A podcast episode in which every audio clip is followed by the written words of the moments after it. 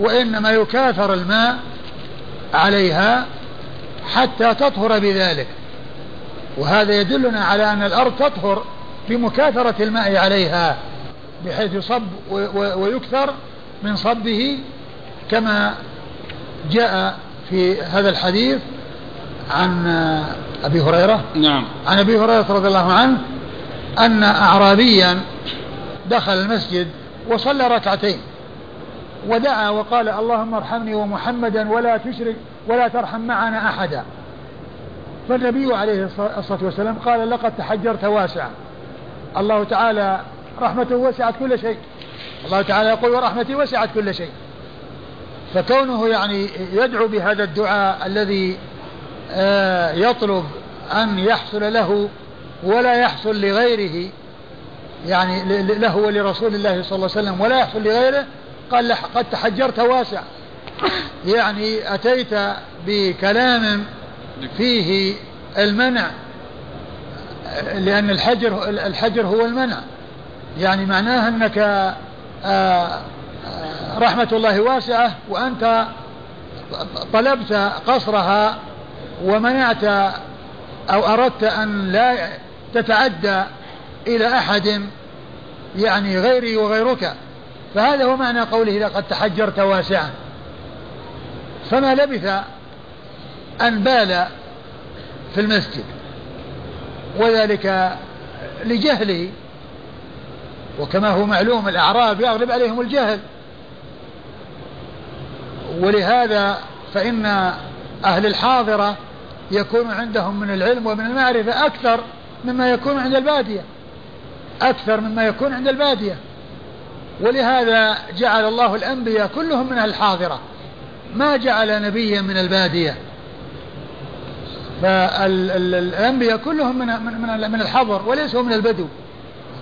وذلك لما عند الحاضرة من الكمال. بخلاف البادية فإن فيهم الجهل ويغلب عليهم الجهل. ولهذا جاء أن الأنبياء من أهل القرى. يعني أنهم من الحضر وليسوا من البدو. فبال في المسجد. فالصحابة رضي الله عنهم رأوا أمرا يعني آه، خطيرا. المسجد يبال فيه النجاسة توضع في المسجد فأسرعوا. فالرسول صلى الله عليه وسلم قال دعوه. إنما بعثتم ميسرين ولم تبعثوا معسرين. صبوا عليه سجلا من ماء أو ذنوبا من ماء. والسجل هي الدلو الكبيرة وكذلك الذنوب الدلو الكبيرة. يعني هو شك هل قال سجلا أو قال دلوا أو قال ذنوبا.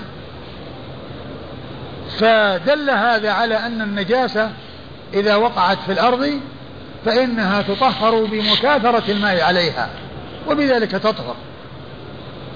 والرسول صلى الله عليه وسلم أمرهم أو نهاهم بأن يعني آه، بأن لا يسيئوا إليه ولا يعنفوه لأن الأمر قد وقع. لأن لو كان قبل أن يبول يمكن يمكن التدارك لكن بعد أن وجد البول خلاص وقعت الواقعة. كونه يقطع البول وكونه يمنع من المواصلة يعني سيقوم ويذهب ويشرد. والبول يتطاير يمين ويسار ويتلوث أماكن متعددة المسجد وكذلك جسده وثيابه لكن ما دام أن البول وقع الرسول أراد أن يبقى في مكان واحد ويكمل ثم تطهر البقعة التي حصل فيها البول. بخلاف ما لو أن لو أنه ذهب ولم يكمل بوله فصار البول يتقاطر هنا وهنا في بقعة من المسجد يصعب تطهيرها. ويصعب الاهتداء إليها وكذلك أيضا يلوث جسده وثيابه. وهذا فيه دليل لقاعدة من قواعد الشريعة وهي أنه يرتكب أخف الضررين في سبيل التخلص من أشدهما لأن البول ووقوعه في المسجد هذا ضرر. لكن كونه يقوم ويقطع بوله وينتشر البول في أماكن متعددة هذا أشد ضررا. فالرسول صلى الله عليه وسلم أراد أن يبقى على أحد الضررين وهو الأخف منهما الذي يمكن تطهير المكان. في سبيل التخلص من أشدهما وهو كونه يقوم ويتناثر البول وهكذا ولا يعرف مكانه بالضبط في في فيمكن آه، غسله. هذا دليل لهذه القاعدة من قواعد الشريعة.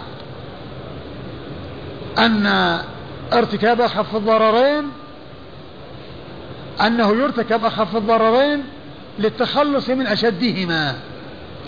إذا كان لابد من ضررين فإذا الضرر الأخف أهون من الضرر الأشد. ولهذا جاءت الشريعة بهذه القاعدة التي ارتكاب أخف الضررين في سبيل التخلص من أشدهما وهذا الحديث دليل لهذه القاعدة. هذا الحديث دليل لهذه القاعدة. لا تزرموه يعني لا يعني آه تعنفوه ولا آه، تجعلوه آه, آه، ينطلق وبوله يتناثر هنا وهنا. نعم. قال حدثنا أحمد بن عمرو بن السرح. أحمد بن عمرو بن السرح المصري ثقة أخرج حديثه مسلم. أخرج حديثه مسلم. نعم وأبو داود. وأبو داود والنسائي وابن ماجه. وابن عبده. وابن عبده أحمد بن عبده. وهو صدوق أخرج حديثه أبو داود والترمذي. ابن عبده من؟ أحمد بن عبده.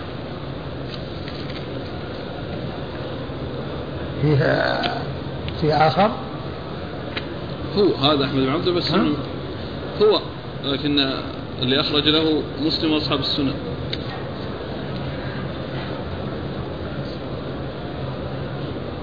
اللي ذكرته بارك الله فيك هذاك من الحادي عشر. اللي هو أحمد بن عبده؟ الآملي أيوة. يكنى أبا جعفر صدوق من الحادي عشر. أيوة. وهذا من هو؟ هذا أحمد بن عبده بن موسى الضبي. أيوة. من العاشرة. من العاشرة؟ أي. بس كيف يعني هو الآن كلهم يعني يعتبرون شيوخ لأبي داود شيوخ لأبي داود. شيوخ لأبي داود هذا وذاك. فأيهما؟ أنا شفت في في عون المعبود قال نعم قال أحمد بن عبده نعم ما ما, ما أعرف أنه قال شيء آخر وراء هذا ما أعرف أنه قال شيء آخر وراء هذا لكن ما دام أن هذا في العاشرة وهذا في الحادية عشر العاشرة ما إيش تاريخ وفاته؟ ما ذكر تاريخ وفاته؟ مات سنة 45 مات 45 يعني متأخر أقول متأخر يمكن يروي عنه أبو داود يعني كل منهما روى عنه أبو داود نعم. إذا فيحتاج الأمر إلى أن يعين أحدهما هل هو هذا أو هذا وذلك بمعرفة آه، من هو الشيخ الذي روى عنه؟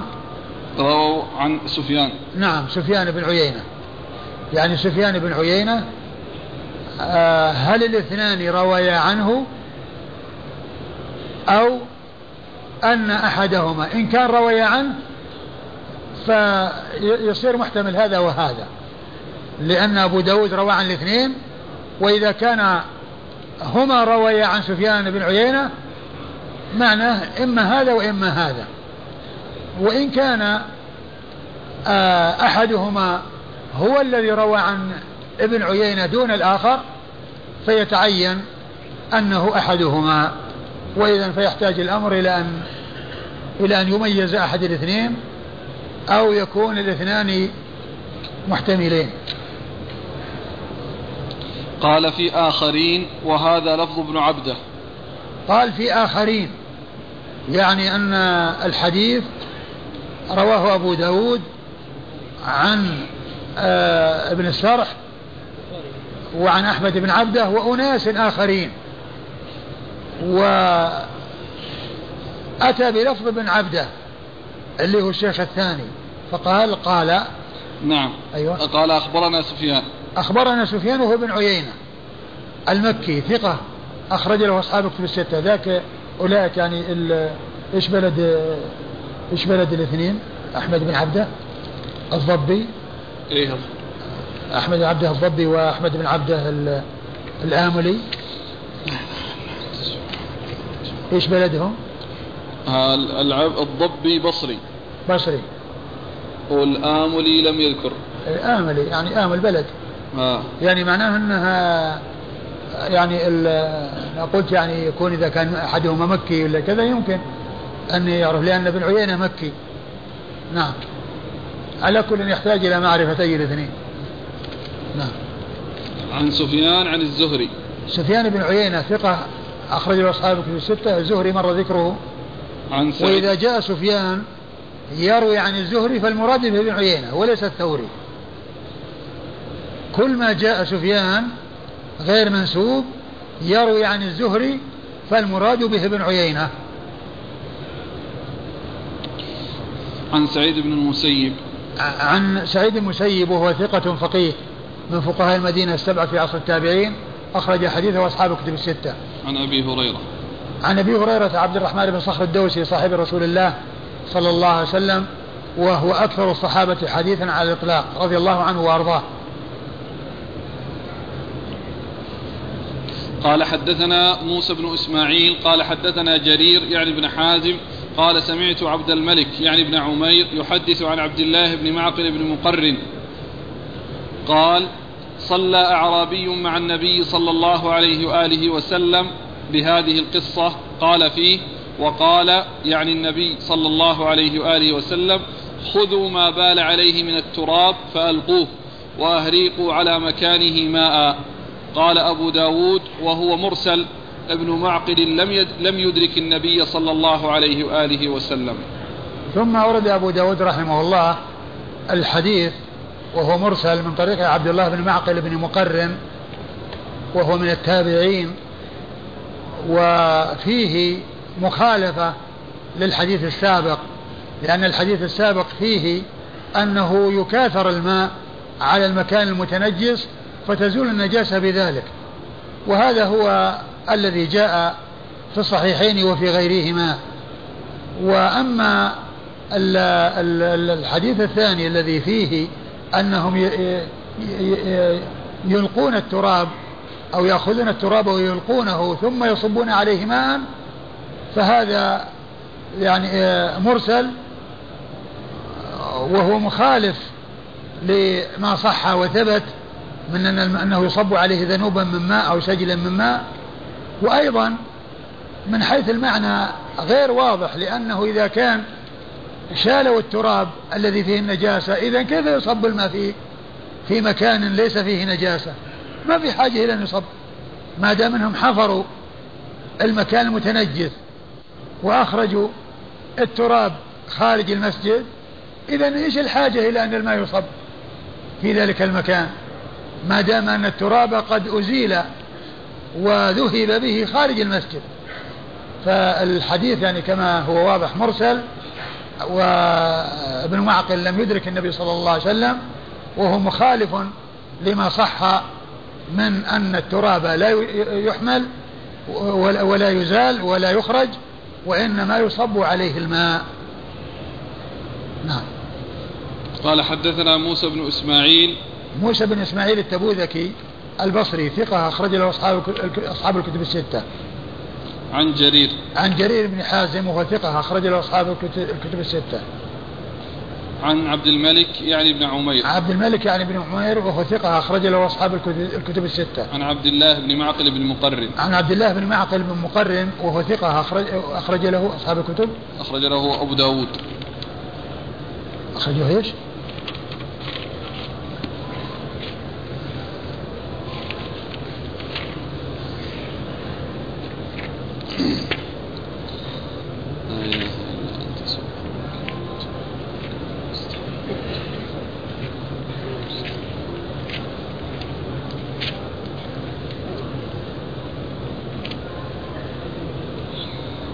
عبد الله بن معقل بن مقرن ثقة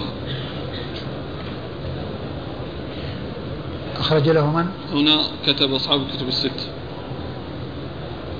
النسخة هذه. أيوة.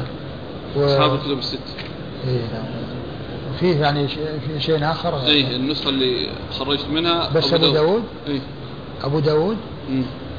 والحديث هذا علق عليه من خرجه؟ تفرد به أبو داود. تفرد به أبو داود. تفرد به أبو داود؟ على كل يتحقق من منه. يعني أي أي النسختين يعني أصوب. هل هي التي رمز الجماعة أو رمز أبي داود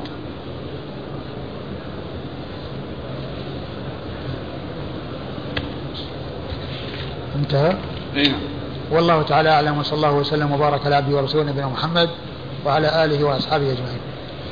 جزاكم الله خيرا وبارك الله فيكم ونفعنا الله بما قلتم. استشكال الإخوان صعب.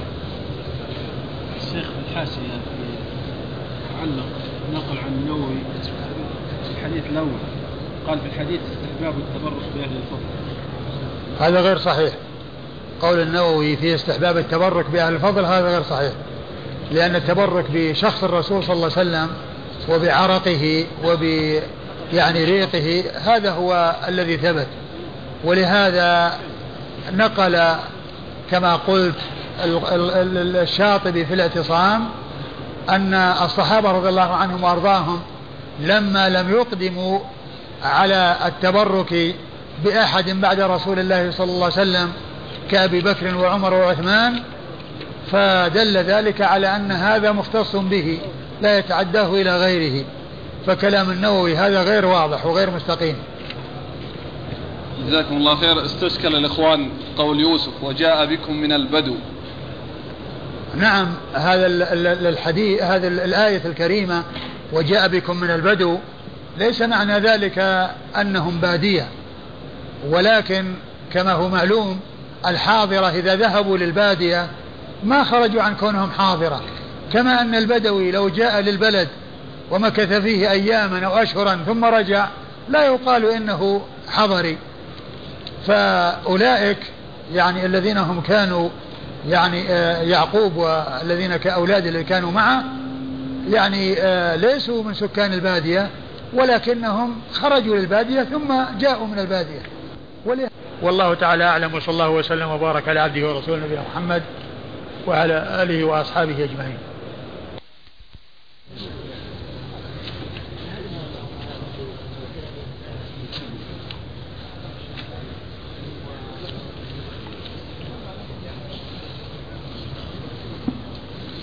بسم الله الرحمن الرحيم. الحمد لله رب العالمين. الصلاة والسلام على عبد الله ورسوله نبينا محمد وعلى آله وصحبه أجمعين. أما بعد قال الإمام أبو داود السجستاني رحمه الله تعالى باب في طهور الأرض إذا يبست. قال حدثنا أحمد بن صالح قال حدثنا عبد الله بن وهب قال أخبرني يونس عن ابن شهاب قال حدثني حمزة بن عبد الله بن, بن عمر أنه قال قال ابن عمر رضي الله عنهما كنت أبيت في في المسجد في عهد رسول الله صلى الله عليه وآله وسلم وكنت فتى فتى شابا عزبا وكانت الكلاب تبول وتقبل وتدبر في المسجد فلم يكونوا يرشون شيئا من ذلك. بسم الله الرحمن الرحيم. الحمد لله رب العالمين وصلى الله وسلم وبارك على عبده ورسوله نبينا محمد وعلى آله وأصحابه أجمعين. أما بعد يقول الإمام ابو داود السجستاني رحمه الله تعالى باب في في طهور الأرض إذا يبست. في طهور الأرض إذا يبست. هذه الترجمة كما هو واضح تتعلق بطهارة الأرض إذا يبست.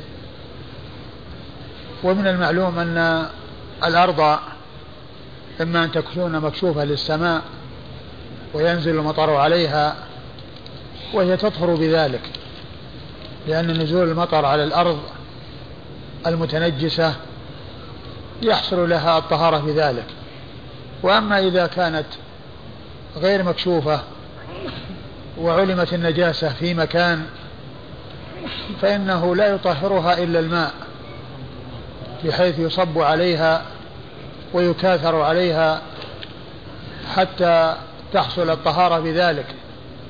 وكما سبق أن مر في الحديث في قصة الأعرابي الذي بال في المسجد والنبي صلى الله عليه وسلم أمر بعد أن فرغ من بوله بأن يصب عليه سجلا من ماء أو ذنوبا من ماء وتحصل طهارته بذلك.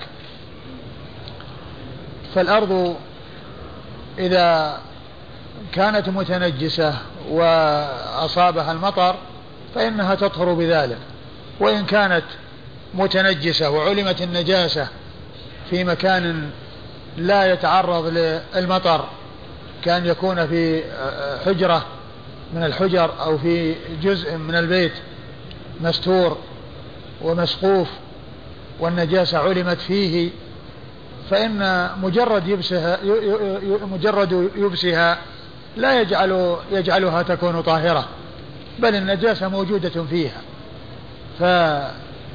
فتغسل ويصب فيصب عليها الماء ويكاثر عليها الماء وبذلك تحصل طهارتها.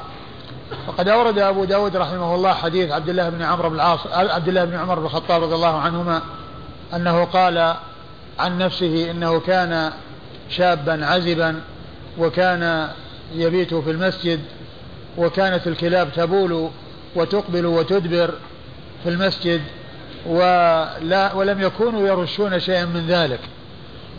من المعلوم أن الذي يتبادر من الحديث أنها لا تبول في المسجد وأنها لا تترك تبول في المسجد. ولو بالت في المسجد فإن الحكم هو أن يطهر ذلك المكان الذي بالت فيه. كما حصل بالنسبة للأعرابي الذي بال في المسجد وأمر النبي صلى الله عليه وسلم بأن يصب عليه ذنوبا من ماء. فلو تحقق وجود النجاسة في المسجد بسبب الكلاب أو غيرها في بقعة من الأرض معلومة فإنه يجب تطهيرها بالماء وصب الماء عليها. والذي يظهر من الحديث أنها كانت تبول في خارج المسجد. وتدخل المسجد وتخرج مارة مسرعة والناس لا يتركونها بحيث تمكث في المسجد أو تبقى في المسجد لكن يمكن أن تمر يعني ذاهبة وآيبة ولا يعلم نجاسة حصلت للمسجد بسببها. وإذا علمت وأن بقعة من الأرض حصل لها بول في من الكلاب أو غيرها في المسجد فيتعين غسلها ولا يكفي أن أنها تطهر بيبسها فإن مجرد يبس النجاسة لا يدل على طهارتها كالثوب تقع فيه النجاسة وتيبس ويجب غسله وكذلك الأرض تكون فيها النجاسة وتيبس وهي, وهي غير مكشوفة للسماء ولا يعني ينزل عليها المطر فيطهرها فإنها بذلك يحتاج الأمر إلى غسلها ويكون غسلها بالماء. وعلى هذا فالحديث ليس فيه أنهم كانوا آه لا يرشون الأماكن التي أصابتها نجاسة يعني في المسجد لإقبال الكلاب وإدبارها. ما كانوا يرشون يعني أنهم ما كان هناك يعني شيء يعني معلوم. حتى يرشوه لكن لو حصل أن النجاسة علمت في مكان من المسجد لا يترك حتى آه، يطهرها اليبس وإنما يصب عليه ماء كما فعل ذلك رسول الله صلوات الله وسلامه وبركاته عليه في آه، البول الذي حصل من الأعرابي حيث أمر النبي صلى الله عليه وسلم بأن يصب عليه ذنوب من ماء وبذلك حصلت طهارته. نعم. تبقى الترجمة. نعم الترجمة باب طهور؟ الأرض إذا يبست. إذا يبست. طهور الأرض إذا يبست. أنا قلت أن أن المسألة فيها تفصيل. إن كانت الأرض مكشوفة وينزل عليها المطر فطهارتها بالمطر الذي ينزل عليها. وإن كانت غير مكشوفة وقد يبست الأرض وحصل نشوفها والمكان متنجس فإنه لا يطهر بذلك وإنما يجب غسله. ألا يفهم أن الإمام يعني يرى الطهارة باليبس؟ ما ما يبدو يعني لأنه كون الحديث الذي مر في قصة الأعرابي والرسول صلى الله عليه وسلم أمر به لو كان يأمر يطلب باليبس كان الرسول ترك حتى ييبس. وإذا يبس خلاص يكون طهر بذلك. لكن الرسول صلى الله عليه وسلم صب عليه ذنوبا من ماء وبذلك طهر. قال حدثنا أحمد بن صالح. أحمد بن صالح المصري ثقة أخرج له البخاري وأبو داود والترمذي في الشمائل. عن عبد الله بن وهب. عن عبد الله بن وهب المصري ثقة فقيه أخرج له أصحاب كتب الستة. عن يونس. عن يونس بن يزيد الأيلي ثم المصري وهو ثقة أخرج له أصحاب كتب الستة. عن ابن شهاب. عن ابن شهاب وهو محمد بن مسلم بن عبيد الله بن شهاب الزهري ثقة فقيه أخرج له أصحاب الكتب الستة. عن حمزة بن عبد الله بن عمر. عن حمزة بن عبد الله بن عمر وهو ثقة أخرج له أصحاب الكتب الستة. عن عبد الله بن عمر بن الخطاب رضي الله عنهما أحد العبادلة الأربعة من الصحابة وأحد السبعة المعروفين بكثرة الحديث عن النبي صلى الله عليه وسلم. قال ابن عمر كنت أبيت في المسجد في عهد رسول الله صلى الله عليه وسلم وكنت فتى شابا عزبا. هذا يدل على جواز المبيت في المسجد يعني عند الحاجة إلى ذلك. تقييد قل شابا عزبا. يعني يخبر عن حاله لأنه يعني ما ما عنده بيت يعني آه، يخصه. فكان يبيت في المسجد وكان ما عنده أهل حتى يعني يكون معهم أو يجلس معهم أو يعني يذهب إليهم. قال رحمه الله تعالى باب في الأذى يصيب الذيل قال حدثنا عبد الله بن مسلمة عن مالك عن محمد بن عمارة بن عن عن محمد بن عمارة بن عمرو بن حزم عن محمد بن إبراهيم عن أم ولد لإبراهيم بن عبد الرحمن بن عوف أنها سالت أم سلمة رضي الله عنها زوج النبي صلى الله عليه وآله وسلم فقالت إني امرأة أطيل ذيلي وأمشي في المكان القذر. فقالت أم سلمة قال رسول الله صلى الله عليه وآله وسلم يطهره ما بعده. ثم ورد أبو داود رحمه الله هذه الترجمة وهي باب في في الأذى يصيب الذيل. في الأذى يصيب الذيل. الأذى يعني ما يحصل من قدر نجاسة أو غير نجاسة. الذيل وهو ثوب المرأة الذي ترخيه وتجره وراءها. فهذا هو المقصود بالذيل الذي يصيبه الأذى. يعني تمشي وترخي يعني آه، ذيلها يعني ذيل ثوبها يعني بحيث يسحب على الأرض وراءها. فيمر على الأرض وقد يكون فيها أذى.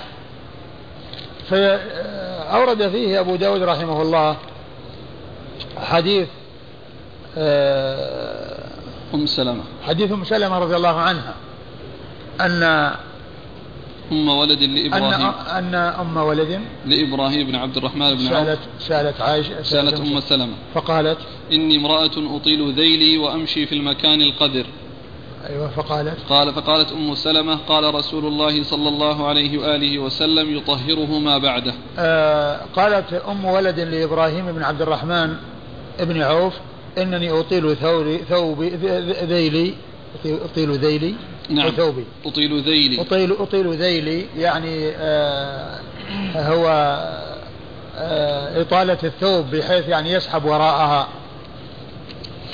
فيصيبه الأذى فقالت أم سلمة رضي الله عنها عن النبي صلى الله عليه وسلم أنه قال يطهره ما بعده. وهذا محمول على أن المقصود بذلك أرض يابسة.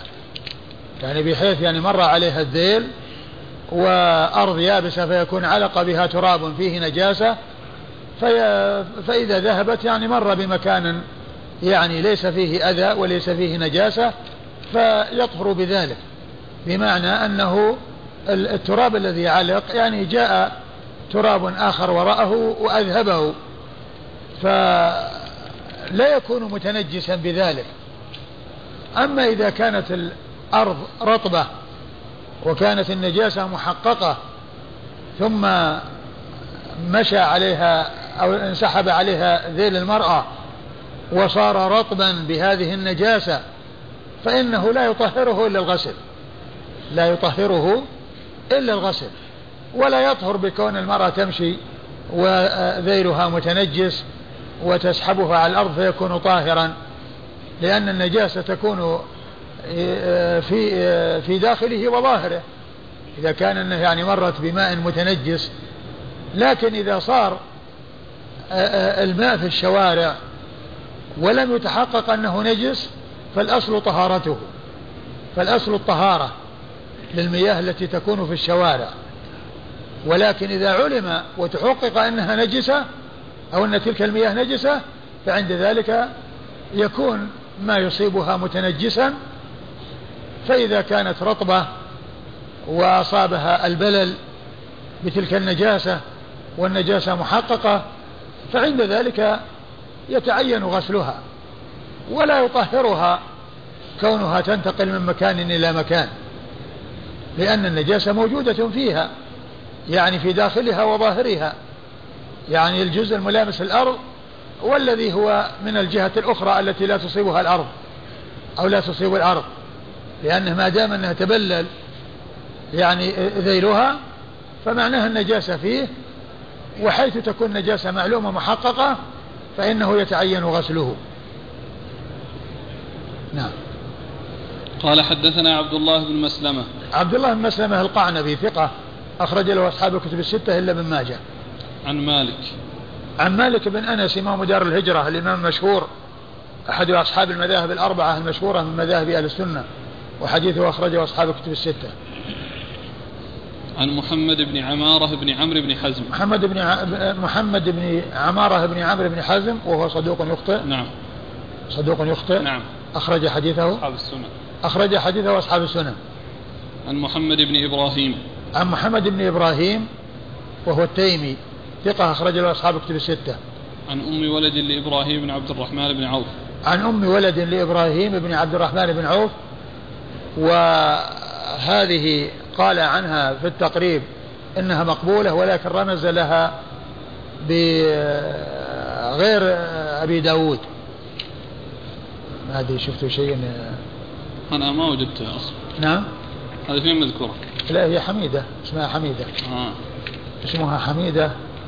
أم ولد لعبد لإبراهيم بن عبد يقال إنها أم ولد. حميدة أو حميدة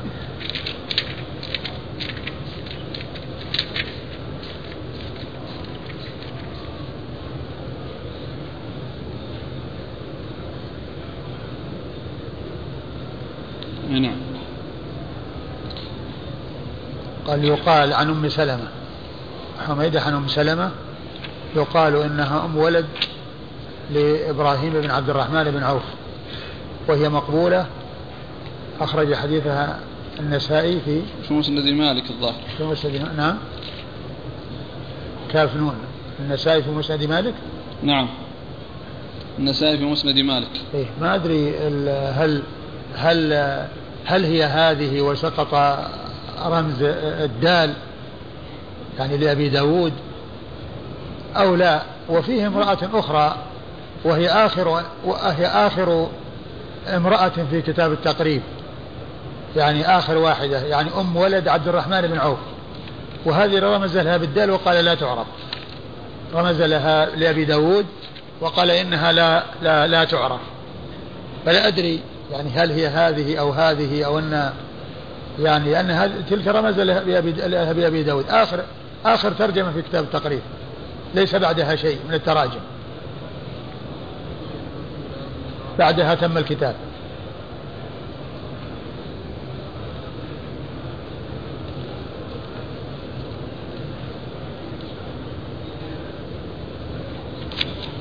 هنا. نعم. هو هو يقول إن هكذا في نسخة الم- المصنف. لا تعرف من الثالثة وفي بقية النسخ لم أقف على اسمها. إيه. لكن هي أم ولد عبد الرحمن بن عوف. هي. يعني هكذا؟ نعم نعم. أم ولد. عبد الرحمن بن عوف. نعم نعم. هذه أم أم ولد إبراهيم بن عبد الرحمن بن عوف. وهذه أم ولد عبد الرحمن وهذه رمز لها بالدال. يعني هذه الرمز لها ماشي بالنسبة للتي معنا في الإسناد لكن التي في الإسناد هي أم ولد إبراهيم بن عبد الرحمن بن عوف. أم ولد إبراهيم ابن عبد الرحمن بن عوف وأيضا تروي عن أم سلمة وهي هنا أم سلمة. تروي عن أم سلمة. لكن هناك ما أدري لعل لعله يعني أنه ساقط الرمز أو كذا يعني نراجع إن شاء الله تهذيب الكمال. يرجع إلى تهذيب الكمال. يعني لأنه هو الذي يسمي الذين حصل تخريجهم آه، من الأئمة. آه، بالمناسبة في درس أمس مر أحمد بن عبده في آه، في الدرس الماضي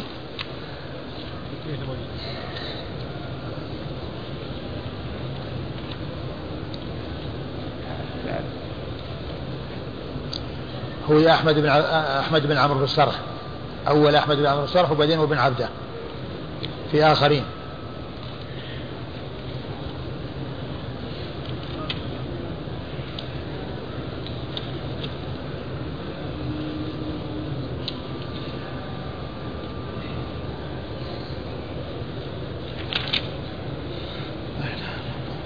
نعم. رقم الحديث. 380 ها؟ 380 كم؟ 380 380 هذا رقم الحديث. يعني هو أحمد بن عبده الضبي وليس الآملي و... وقد قال في تهذيب التهذيب روى عن ابن عيينة. وهنا في الإسناد يروي عن سفيان. في الإسناد يروي عن سفيان. فيكون هو الضبي وهو ثقة أخرج له مسلم وأصحاب السنن. وليس الآملي الذي ذكرته بالأمس والذي هو صدوق روى عنه أبو داود والترمذي. هذا هو الضبي ال ال ال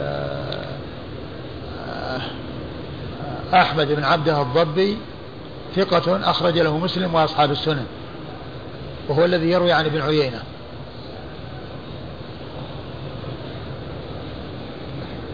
فيما مضى يعني آه، يعني من عدة أيام. واحد قال حسين بن محمد اللي كنا يعني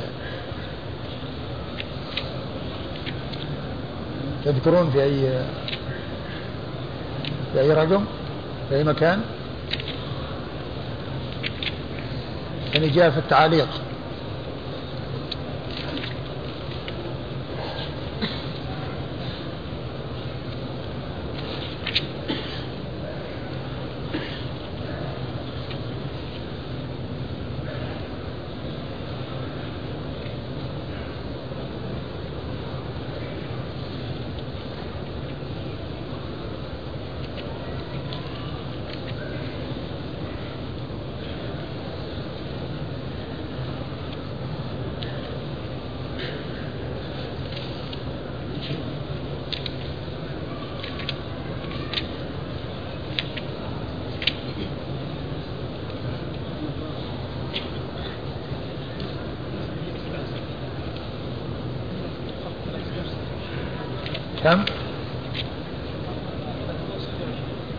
326 326 326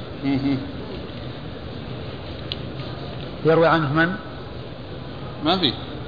ها؟ ما في. معلق هو. وذكر حسين بن محمد عن شعبة. حسين بن محمد؟ عن شعبة. نعم هو حسين بن محمد آه، آه، يروي عن شعبة. حسين محمد بن بهرام أظن فيه واحد يعني هو من التاسعة. إي بس يوم راجعنا ما وجدنا. إي بس أنا ما وج... أنا راجعت ما وجدت يعني إنه إنه يروي عن عن من؟ عن اللي فوقه؟ ها؟ من هو فوقه؟ من هو يروي عن من؟ يروي عن شعبة عن شعبة نعم إي عن شعبة ما فيه يعني ابن بهرام هذا ما فيه إنه يروي عن شعبة. ما أدري يعني ولا من تلاميذ شعبة واحد اسمه حسين. إيه ما أدري يعني أنا قلت يعني هناك في ذاك الوقت انه الجعفي إيه. أي هو وهذاك حسين بن علي وليس حسين بن محمد. وعلى هذا ف... فلا نعرف هذا الشخص. هذا الشخص لا نعرفه. كلمة الجعفي التي سجلت عندكم اشطبوا عليها.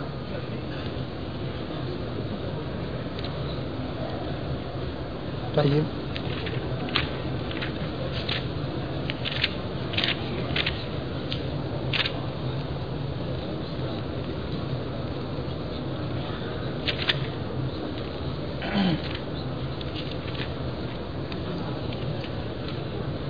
عن أم سلمة؟ عن أم سلمة أم المؤمنين هند بنت أبي أمية رضي الله عنها وأرضاها وحديثها أخرجه أصحاب الكتب الستة. قال حدثنا عبد الله بن محمد النفيلي وأحمد بن يونس. قال حدثنا زهير. قال حدثنا عبد الله بن عيسى عن موسى بن عبد الله بن يزيد عن امرأة من بني عبد الأشهل رضي الله عنها أنها قالت قلت يا رسول الله إن لنا طريقا إلى المسجد منتنة فكيف نفعل إذا مطرنا؟ قال أليس بعدها طريق هي أطيب منها؟ قالت قلت بلى. قال فهذه بهذه. ثم أورد أبو داود رحمه الله حديث امرأة من بني عبد الأشهل صحابية سألت الرسول صلى الله عليه وسلم وقالت إن قالت إن نعم.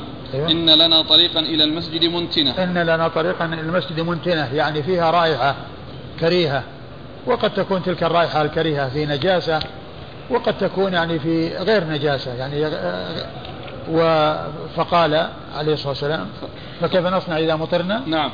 فكيف نفعل إذا مطرنا؟ فكيف نفعل إذا مطرنا؟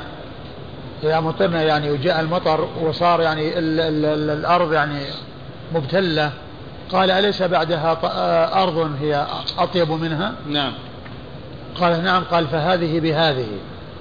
يعني معناها أن أن الأرض إذا كانت يعني فيها أذى نجاسة أو غير نجاسة وحصل المطر فمن المعلوم أن المطر يطهر الأرض.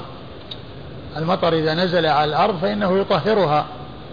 وذلك الأذى الذي يكون في جهة ثم بعد ذلك يكون الذيل ينسحب يعني على تلك الأماكن. فإنه يعني آه الذيل أو غير الذيل يعني آه مما آه، تقع عليه يعني الرجل أو الذيل فإنه إذا وطئ أو مر بذلك المكان الذي فيه القذى وفيه الأذى ثم انتقل إلى مكان آخر فإنه يطهر بذلك. ولكنه كما عرفنا إذا كان المطر نزل على مكان متنجس فإنه يطهره وإن لم يحصل انتقال إلى مكان آخر.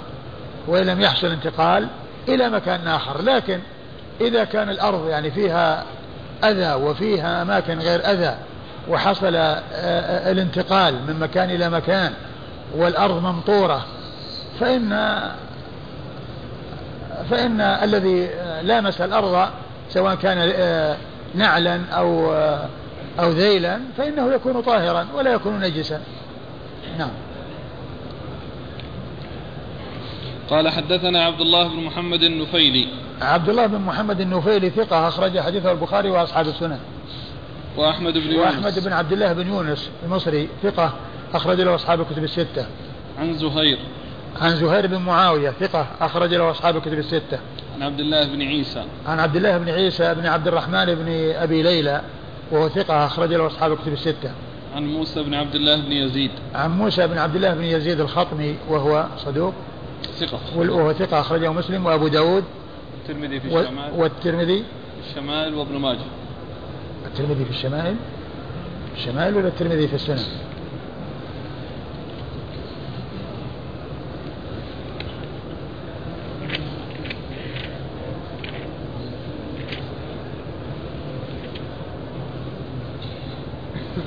مسلم وأبو داود الترمذي في الشمال وابن ماجه. شو نسخة الثانية؟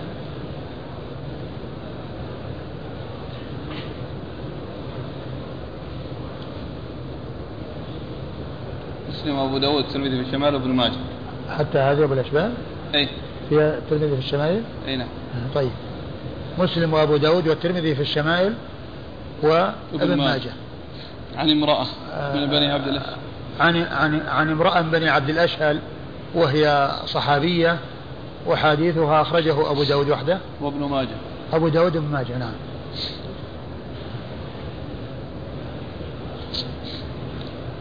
قال رحمه الله تعالى باب في الأذى في الأذى يصيب النعل. قال حدثنا أحمد بن حنبل قال حدثنا أبو المغيرة. حاء. قال وحدثنا عباس بن الوليد بن مزيد قال أخبرني أبي. حاء. قال وحدثنا محمود بن خالد قال حدثنا عمر يعني بن عبد الوا... بن... بن عبد الواحد عن الأوزاعي المعنى قال أنبئت أن سعيد بن أبي سعيد المقبري حدث عن أبيه عن أبي هريرة رضي الله عنه أن رسول الله صلى الله عليه وآله وسلم قال إذا وطئ أحدكم بنعله الأذى فإن التراب له طهور.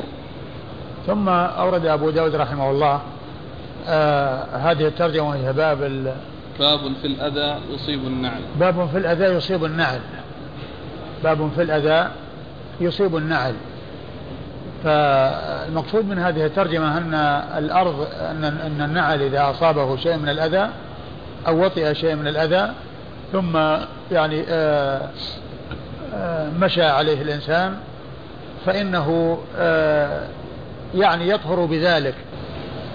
وهذا فيما إذا كان في أسفل النعل. أما إذا كان الأذى أصاب النعل يعني داخله وظاهره فإنه يحتاج إلى أن يطهر وأن يغسل. يعني النجاسة التي أصابت يعني النعل يعني أسفله وأعلاه أما إذا كان أسفله وحصل يعني السير عليه ودلكه فإنه يطهر بذلك لأن الشيء الذي علق يعني يأتي بعده شيء يزيله وينهيه لا سيما إذا كان يعني مر بماء يعني بعد ذلك فلا شك أنه يطهر. وقد أورد فيه أبو داود حديث أبي هريرة. حديث أبي هريرة رضي الله عنه أن النبي صلى الله عليه وسلم قال إذا وطئ أحدكم بنعله الأذى فإن التراب له طهور. إذا وطئ أحدكم بنعله الأذى فإن التراب له طهور. بمعنى أنه يعني كونه يمشي من مكان إلى مكان ويدلكه على الأرض والوقع عليه شديد فإنه يطهر بذلك. وقد جاء أيضا ما يدل على أن الإنسان عندما يأتي المسجد أنه إذا كان فيه أذى فإنه يعني يدلكه بالأرض أو يدلك النعلين بعضهما ببعض ثم بعد ذلك آه، آه، يصلي بهما نعم قال حدثنا أحمد بن حنبل أحمد بن حنبل أحمد بن محمد بن حنبل الإمام المشهور أحد أصحاب المذاهب الأربعة المشهورة من مذاهب أهل السنة وحديثه أخرجه أصحاب الكتب الستة. عن أبي المغيرة. عن أبي المغيرة وهو عبد القدوس بن الحجاج. وهو عبد القدوس بن الحجاج. عبد القدوس بن الحجاج وهو ثقة أخرج له أصحاب الكتب. نعم. ثقة أخرجه أصحاب الكتب الستة. حاء قال وحدثنا عباس بن الوليد بن مزيد. ثم قال حاء وحدثنا عباس بن الوليد بن مزيد وهو صدوق أخرج حديثه أبو داود النسائي. عن أبيه ها؟ عن أبيه عن أبيه هو ثقة أخرج له أبو داود النسائي حاء قال وحدثنا محمود بن خالد ثم قال حاء وحدثنا محمود بن خالد وهو الدمشقي وهو ثقة أخرج حديثه أبو داود النسائي وابن ماجه. عن عمر يعني بن عبد الواحد. عن عمر يعني بن عبد الواحد وهو ثقة أخرجه أبو داود النسائي بن ماجه. وهو ثقة أخرجه أبو داود النسائي وابن ماجه. عن الأوزاعي. عن الأوزاعي عبد الرحمن بن عمرو. الأوزاعي ثقة فقيه أخرج له أصحاب الكتب الستة. قال المعنى. قال المعنى يعني أن هؤلاء الذين مر ذكرهم وهي ثلاثة طرق آه، فيها ثلاثة شيوخ آه، روايتهم متفقة في المعنى مع اختلاف في الألفاظ. قال أنبئت أن سعيد بن أبي سعيد. قال أنبئت وهذا فيه يعني معناه واسطة محذوفة لأن قولهم بئت يعني هناك واسطة وتلك الواسطة غير معروفة يعني في هذا الإسناد. ولكن جاء في الإسناد الذي بعده أنه يروي عن محمد عن محمد بن عجلان عن سعيد بن أبي سعيد. يعني فيكون أو تكون تلك الواسطة التي هي غير معلومة علمت من الإسناد الثاني والإسناد الآخر وهو محمد ابن عجلان المدني. نعم. عن سعيد بن أبي سعيد وهو ثقة أخرج له أصحاب الكتب الستة. عن أبيه آه، سعيد آه، آه، أبي سعيد وهو كيسان المقبري وهو أيضا ثقة أخرج له أصحاب الكتب الستة. عن أبي هريرة عبد الرحمن بن صخر الدوسي صاحب رسول الله صلى الله عليه وسلم وأكثر أصحابه حديثا عن الإطلاق رضي الله عنه وأرضاه. قال حدثنا أحمد بن إبراهيم قال حدثني محمد بن كثير يعني الصنعاني عن الأوزاعي عن ابن عجلان عن سعيد بن أبي سعيد عن أبيه عن أبي هريرة رضي الله عنه عن النبي صلى الله عليه وآله وسلم بمعناه. قال إذا وطئ الأذى بخفيه فطهورهما التراب. ثم أورد أبو داود رحمه الله الحديث من طريق أخرى وهو مثل الذي قبله. قال حدثنا أحمد بن إبراهيم. أحمد بن إبراهيم ابن ابن كثير الدورقي. نعم أحمد بن إبراهيم بن كثير وهو ثقة أخرج له مسلم وأبو داود والترمذي وابن ماجه. ثقة أخرجه مسلم وأبو داود والترمذي والنسائي. لا وابن ماجه. الترمذي وابن ماجه. مسلم وأبو داود والترمذي وابن ماجه. عن محمد بن كثير يعني الصنعاني. عن محمد بن كثير يعني الصنعاني هو صدوق كثير الغلط. أخرج حديثه أبو داود والترمذي والنسائي. أبو داود والترمذي والنسائي. عن الأوزاعي عن ابن عجلان. عن الأوزاعي مر ذكره عن ابن عجلان وهو محمد بن عجلان المدني. آه، وصدوق أخرج حديثه البخاري تعليقا ومسلم وأصحاب السنن. عن سعيد بن أبي سعيد عن أبيه عن أبي هريرة. وقد مر ذكر الثلاثة. قال حدثنا محمود بن خالد قال حدثنا محمد يعني بن عائذ. قال حدثني يحيى يعني بن حمزة. عن الأوزاعي عن محمد بن الوليد. قال أخبرني أيضا سعيد بن أبي سعيد عن القعقاع بن حكيم عن عائشة رضي الله عنها عن رسول الله صلى الله عليه وآله وسلم بمعناه. ثم ورد أبو داود رحمه الله حديث عائشة وهو بمعنى الحديث المتقدم عن أبي هريرة رضي الله تعالى عنه. نعم. قال حدثنا محمود بن خالد قال حدثنا محمد بن يعني بن عائد. محمود بن خالد مر ذكره. هو محمد بن عائد آه، صدوق أخرج حديثه أبو داود والنسائي. عن يحيى يعني بن حمزة. عن يحيى يعني بن حمزة وهو ثقة أخرج أصحاب الكتب. وهو ثقة أخرج أصحاب الكتب الستة. عن الأوزاعي عن محمد بن الوليد. عن الأوزاعي عن محمد بن الوليد. ومحمد بن الوليد هو الزبيد الزبيدي. وهو ثقة أخرجه أصحاب الكتب الستة إلا الترمذي. قال أخبرني أيضا سعيد بن أبي سعيد عن القعقاع بن حكيم. قال أخبرني أيضا آه، سعيد بن أبي سعيد. نعم. سعيد بن أبي سعيد عن مر ذكره القعقاع بن حكيم ثقة أخرج له البخاري في الأدب المفرد ومسلم وأصحاب السنة.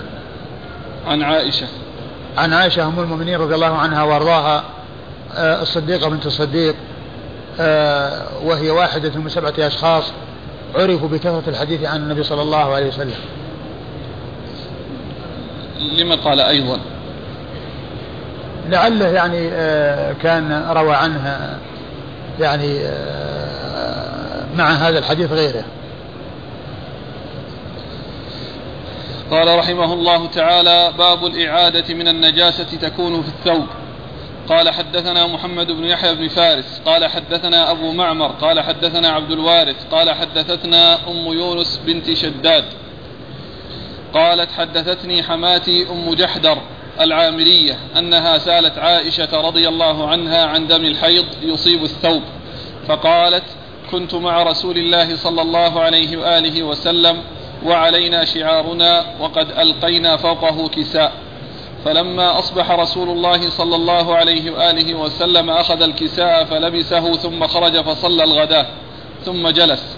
فقال رجل يا رسول الله هذه لمعة من دم.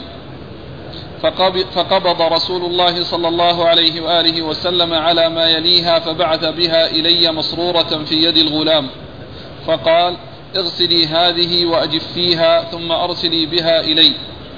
فدعوت بقصعتي فغسلتها ثم أجففتها فأحرتها إليه. فجاء رسول الله صلى الله عليه وآله وسلم بنصف النهار وهي عليه. ثم أورد أبو داود رحمه الله هذه الترجمة هي باب الإعادة من الثوب. من النجاسة تكون في الثوب. الإعادة من النجاسة تكون في الثوب. هذه الترجمة لا أدري يعني إيش المقصود بالإعادة فيها. هل هي إعادة الصلاة بسبب آه، كون المصلي صلى وعليه ثوب متنجس وهذا لا تعاد فيه الصلاة لأن الإنسان إذا صلى وعليه ثوب متنجس ولم يعلم إلا بعد فراغ الصلاة فإن صلاته صحيحة. والدليل على هذا أن النبي صلى الله عليه وسلم صلى وعليه النعلان وفيهما أذى فجاء جبريل وأخبره في الصلاة فنزع النعلين وواصل. فلو كان أن أن الصلاة لا تصح يعني في الثوب الذي فيه نجاسة لا أعاد النبي صلى الله عليه وسلم الصلاة من أولها. ولما كان مضى جزء منها وقد اعتبر فدل هذا على أن أن من صلى وعليه ثوب متنجس ولم يعلم إلا بعد فراغ الصلاة فإن صلاته صحيحة. فالإعادة هنا لا أدري ما المراد بها أو أن المراد بها إعادة الثوب الذي تنجس ليغسل. يعني هذا يطابق الترجمة إذا كان مقصود به إعادة الثوب. لكن إن كان مقصود به الإعادة إعادة الصلاة ليس في الحديث ما يدل على إعادة الصلاة. بل وجد في الأحاديث ما يدل على أن الصلاة لا تعاد إذا صلى الإنسان في ثوب متنجس وإنما تعاد الصلاة لو صلى وهو على غير وضوء. لا تصح الصلاة إذا صلى الإنسان وهو على غير وضوء. أما كونه يصلي وعليه ثوب متنجس ولم يعلم إلا بعد فراغ الصلاة فصلاته صحيحة. صلاته صحيحة وليس عليه الإعادة. فالإعادة هنا في هذه الترجمة لا أعرف وجهها. إن كان مقصود إعادة الصلاة فليس في الحديث شيء يفيد إعادة الصلاة. بل قد وجد في الأحاديث ما يدل على أن الصلاة لا تعاد وأن الصلاة صحيحة. وإن كان المقصود به إعادة الثوب المتنجس ليغسل فالواقع هو هذا. أورد في حديث آه، عائشة نعم. رضي الله عنها أن النبي صلى الله عليه وسلم قالت يعني كان شعارنا؟ قالت كنت مع رسول الله صلى الله عليه وسلم وعلينا شعارنا وقد ألقينا فوقه كساء. كنت مع رسول الله صلى الله عليه وسلم وعلينا شعارنا. الشعار هو الذي يلي الجسد والذي يلتحف به مما يلي الجسد وفوقه كساء. فقام رسول الله صلى الله عليه وسلم وأخذ الكساء الذي فوق الشعار. ولما ولما يشرب فلبسه ثم خرج فصلى الغداء فلبسه ثم خرج فصلى الغداة يعني الفجر. فقال له رجل فقال له رجل هذه لمعة فيها من دم يا رسول الله. فأخذ خلع ذلك الكساء أو أخذ ذلك الكساء وقبض على المكان المتنجس وصره بيده وأعطاه غلاما وأمره بأن يذهب به إلى عائشة لتغسله وتجففه ثم تعيده. فغسلته وجففته وأحارته أحارته يعني أعادته إليه. فجاء بنصف, بنصف النهار وهو عليه. لكن ما فيه يعني شيء يدل على أنه أعاد الصلاة. ما في شيء يدل على أنه أعاد الصلاة. وقد عرفنا بأن الحكم أن الصلاة لا تعاد إذا كان الإنسان صلى وفي ثوبه نجاسة. عن أم جحدر العامرية أنها سألت عائشة رضي الله عنها عن دم الحيض يصيب الثوب. فقالت كنت مع رسول الله صلى الله عليه وآله وسلم وعلينا شعارنا وقد ألقينا فوقه كساء. فلما أصبح رسول الله صلى الله عليه وآله وسلم أخذ الكساء فلبسه ثم خرج فصلى الغداء ثم جلس فقال رجل يا رسول الله هذه لمعة من دم. فقبض رسول الله يعني أن هذا من من دم آه، الحيض الذي آه، حصل من عائشة لأن هذا كان على الفراش. فيكون يعني معنى هذا أنها غالبا يكون من دم الحيض. نعم. فقبض رسول الله صلى الله عليه وآله وسلم على ما يليها فبعث بها إلي مسرورة في يد الغلام. يعني معناه أن المكان المتنجس يعني آه يعني قبض أطرافه بحيث كان المكان المتنجس بارز وهو الذي يغسل. نعم. فقال اغسلي هذه وأجفيها ثم أرسلي بها إلي.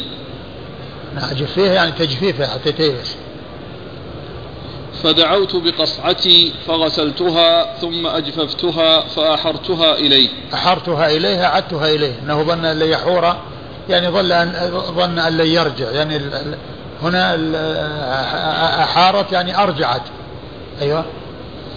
فجاء رسول الله صلى الله عليه وآله وسلم بنصف النهار وهي عليه. فجاء صلى الله عليه وسلم بنصف النهار وهي عليه. يعني تلك التي غسلت وأعيدت إليه. الحاصل أن الترجمة يعني غير واضحة وإن كان المراد بها إعادة الصلاة فليس يعني فيها شيء يتعلق بذلك. وإن كان المقصود إعادة الثوب بعد غسله فهذا الأمر فيه واضح. والحديث ضعيف لأن فيه آه يعني فيه امرأتان مجهولتان. نعم. قال حدثنا محمد بن يحيى بن فارس. محمد بن يحيى بن فارس هو الذهلي ومحمد بن يحيى بن فارس الذهلي ثقة أخرج حديث البخاري وأصحاب السنن. ويأتي ذكره بألفاظ مختلفة. فيأتي في بعض الأسانيد محمد بن يحيى النيسابوري وهو نيسابوري. وفي بعضها محمد بن يحيى بن عبد الله. وفي بعضها محمد بن يحيى بن فارس. ومحمد وفارس يعني جد من أجداده لأنه محمد بن يحيى بن عبد الله بن خالد بن فارس. محمد بن بن يحيى بن عبد الله بن خالد بن فارس. وهو هو الذهلي. آه، فيأتي بصيغ مختلفة وهو شخص واحد. نعم. عن أبي معمر. عن أبي معمر وهو عبد الله بن عمرو بن أبي الحجاج المقعد. إيش؟ عبد الله. عبد الله بن عمرو بن أبي الحجاج المقعد. عبد الله بن عمرو. ابن أبي الحجاج. هكذا قال المزي في تحفة الأشراف. في التحفة موجود كذا؟ أبو معمر عبد الله بن عمرو بس. إيه لكن في تحفة الأشراف؟ إيه. إيه طيب. عبد الله بن أبو معمر عبد الله بن عمرو ابن مر معنا إنه كان من شيوخ أبي داود؟ مر نعم هو نعم مر قريبا يعني أبو معمر. بس اذكر يعني إسناد طويل في آخره أبو معمر. اي يعني كان هناك شيخ أبي داود. بيومين أو بيومين أو كذا قريب. اي هو هذا قريب. اي نعم. عبد الله بن عمرو. لكن في تحفير الاشراف قال هكذا؟ نعم. يعني في هذا الحديث؟ نعم. في هذا الإسناد؟ نعم.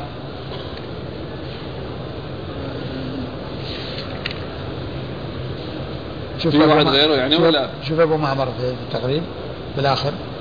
في عدد قال أبو معمر. اي نعم. لكن وفيهم واحد لما عينه المزي صحيح صحيح. ما عينه المزي يعني لا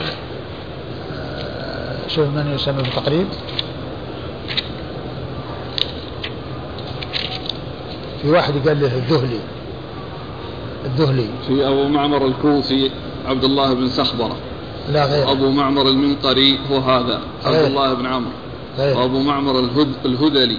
الهذلي نعم. إسماعيل بن إبراهيم. إسماعيل بن إبراهيم بن معمر.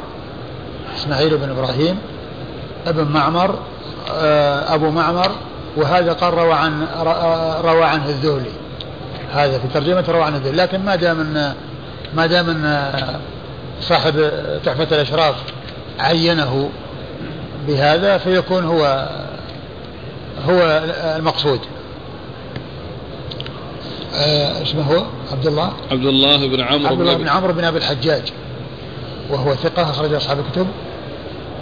نعم. نعم ثقة ثقة أخرجه أصحاب الكتب الستة. عن عبد الوارث. عن عبد الوارث بن سعيد العنبري وهو ثقة أخرج له أصحاب الكتب الستة. عن أم يونس بنت شداد. عن أم يونس بنت شداد وهي لا يعرف حالها أخرج حديثها أبو داود. قالت حدثتني حماتي أم جحد أم جحدر العامري. قالت حدثتني حماتي يعني آه، أم زوجها آه، أم جحدر العامرية وهي أيضا مجهولة لا يعرف حالها. أخرج حديثها أبو داود. عن عائشة. عن عائشة رضي الله عنها وقد مر ذكرها. ففيه مجهولتان. في الحديث امرأتان مجهولتان والحديث ضعيف. قال رحمه الله تعالى باب البصاق يصيب الثوب. قال يعني الحديث يعني معناه يعني كما هو معلوم يعني من حيث غسل النجاسة ومن حيث يعني ما في إشكال ولكن الإشكال في الترجمة وأن فيه إعادة والإعادة يعني إن كان مقصود بها إعادة الصلاة فليس في الحديث ما يدل عليها والحكم ثبت بخلاف آه، بخلاف ذلك وهو عدم الإعادة. نعم. قال رحمه الله باب البصاق يصيب الثوب. قال حدثنا موسى بن إسماعيل. قال حدثنا حماد. قال أخبرنا ثابت البناني عن أبي نضرة أنه قال بزق رسول الله صلى الله عليه وآله وسلم في ثوبه وحك بعضه ببعض. ثم ورد أبو داود رحمه الله قال في باب في باب في البصاق يصيب الثوب. يعني أنه شيء من القدر ولكنه ليس بنجس ولكن يعني منظره يعني كريه ولا يناسب أن يكون يعني يرى ويشاهد وهو منظر يعني مستقذر ولكنه يعني يحك الثوب أو يدلك يعني بعضه ببعض حتى يذهب أثره. ولو كان نجسا لاحتاج الأمر إلى أن يغسل. فدلكه يعني يدل على طهارته وأنه ليس بنجس. نعم. قال حدثنا موسى بن إسماعيل. نعم. موسى بن إسماعيل التبوذكي ثقة أخرج له أصحاب كتب الستة. عن حماد عن حماد. وهو بن سلمة. ثقة أخرج له البخاري تعليقا ومسلم وأصحاب السنن. عن ثابت البناني. عن ثابت بن أسلم البناني ثقة أخرج له أصحاب الكتب الستة. عن أبي نضرة. عن أبي نضرة هو المنذر بن مالك. وهو ثقة أخرج له البخاري تعليقا ومسلم وأصحاب السنن. وهو مرسل هنا لكن الحديث الذي بعده الحديث الذي بعده موصول وهو دال على ما دل عليه. نعم. بزق وبصق سواء. نعم. بزق بالزاي وبالصاد سواء. بزق بزق بزق نعم. بزق وبصق نعم. قال حدثنا موسى بن البزاق والبصاق بمعنى واحد. نعم. قال حدثنا موسى بن إسماعيل قال حدثنا حماد عن حميد عن أنس رضي الله عنه عن النبي صلى الله عليه وآله وسلم بمثله. ثم ورد حديث أنس بن مالك رضي الله عنه عن النبي صلى الله عليه وسلم بمثله أي بمثل المتن السابق وهو ان أنه بصق أو بزق في ثوبه ف فحكه.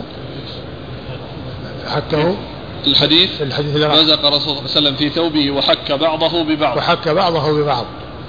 فالحديث هذا موصول متصل وهو دال على ما دل عليه الأول وهو بمثله. يعني لفظه آه، مثله في اللفظ. نعم. قال حدثنا موسى بن إسماعيل عن حماد عن حميد. حميد بن أبي حميد الطويل ثقة أخرج له أصحاب كتب الستة. عن أنس. عن أنس بن مالك رضي الله عنه خادم رسول الله صلى الله عليه وسلم واحد السبعة المعروفين بكثرة الحديث عن النبي صلى الله عليه وسلم. وهذا الإسناد من الأسانيد الرباعية عند النس... عند أبي داود وهو أعلى أو من أعلى الأسانيد عند أبي داود حيث يكون بين أبي داود وبين رسول الله صلى الله عليه وسلم أربعة أشخاص. وبهذا يكون انتهى كتاب الطهارة. والله تعالى أعلم وصلى الله وسلم وبارك على عبده ورسوله نبينا محمد وعلى آله وأصحابه أجمعين.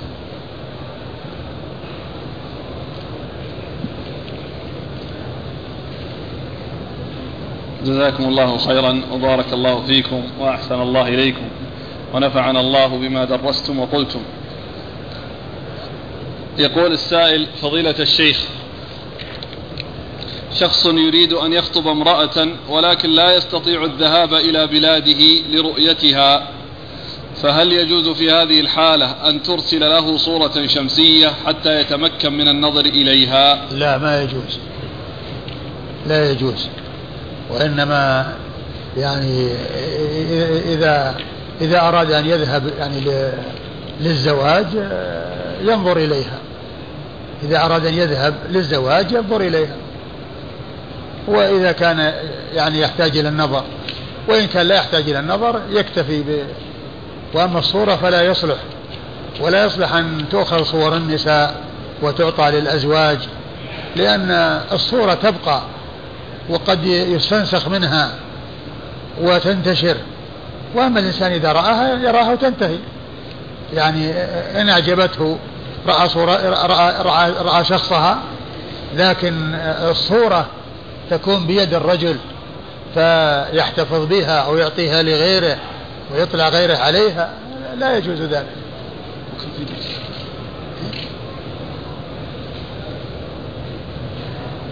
درس. نستمر إن شاء الله إلى يوم الأربعاء القادم. ما؟ يوم عشرين. إن شاء الله. إن شاء الله. يقول متى يجوز التورك في الصلاة؟ التورك في الصلاة يكون في الصلاة التي لها تشهدان وفي التشهد الأخير منهما. وذلك لا يكون إلا في المغرب ويكون في جميع الصلوات ما عدا صلاة الفجر. الصلوات المكتوبة يعني فيها تورك فيها يعني أقول فيها تشهدان. كل الصلوات فيها تشهدان إلا صلاة الفجر. والتورك يكون في التشهد الأخير. من التشهدين في الرباعية والثلاثية.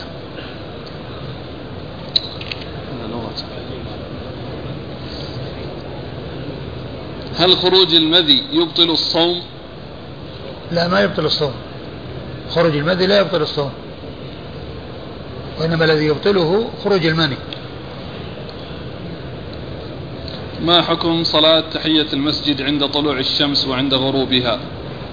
حال الطلوع والغروب والقيام وهي الأوقات الضيقة هذه لا لا يصلى فيها لا يصلى فيها ولا يدفن فيها الموتى وهو وقت يسير جدا. نعم. ما مدى صحة الحديث الذي فيه عندما أراد عمر رضي الله عنه العمرة فقال له النبي صلى الله عليه وسلم يا أخانا لا تنسانا من دعائك. الحديث فيه كلام بس ما أدري يعني إيش درجة يعني قيمة أو درجة هذا الكلام.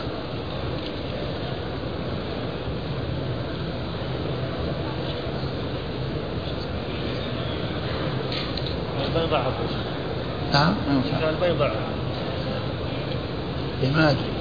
ما أدري إيش. لكن الذي اذكر إنه فيه ضعف.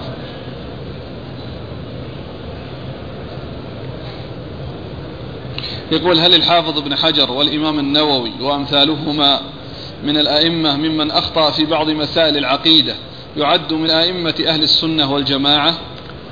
لا شك أنهم من أئمة أهل السنة والجماعة واخطائهم التي حصلت آه، مغمورة وفي جنب صوابهم الكثير والعلماء يعني يعولون على كلامهم ويرجعون إلى كلامهم فهم من أهل السنة الذين أخطأوا وحصل منهم أخطاء والله تعالى يتجاوز عنهم.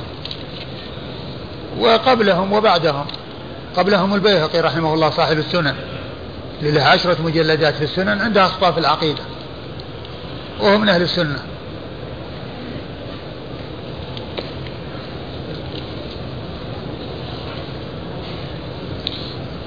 هنا سؤالان في حديث ابن عمر الذي فيه أنه كان يبيت في المسجد. يقول نعم. الأول قلتم أن حديث ابن عمر لا يدل على أن الكلاب تبول وظاهر الحديث يعني في المسجد وظاهر الحديث فيه وكانت الكلاب تبول فلم يكونوا ما في نص علينا بالمسجد ما في نص علينا بالمسجد ولا في ولو كان بالت في المسجد لا يعقل أن, أن الناس يتركون البول ولا يطهرونه بالماء.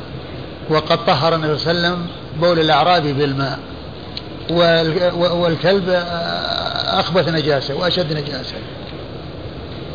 الإخوان استشكلوا فلم يكونوا يرشون شيئا من ذلك.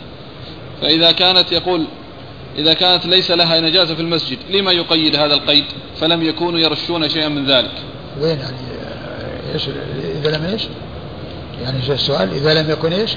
إذا لم يكن هذا الأمر واقع في المسجد النجاسة. لماذا قيده ابن عمر وقال ولم فلم يكونوا يرشون شيئا من ذلك؟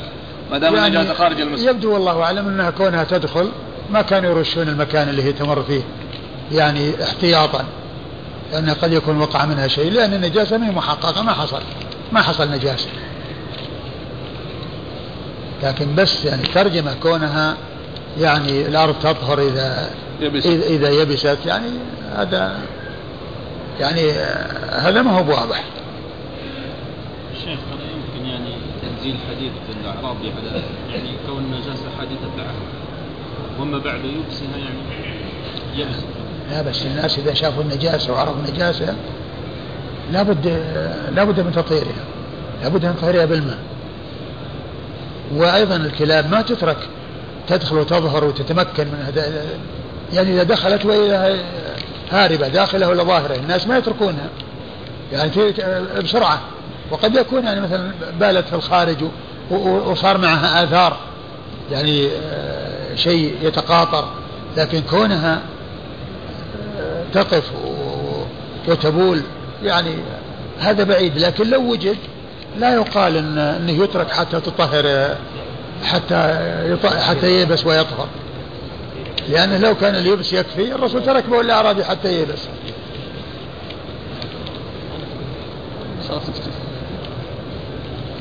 يقول أين يقع بصر المصلي عند الركوع؟ كله عند السجود. كله له موضع السجود عند الركوع وغير الركوع.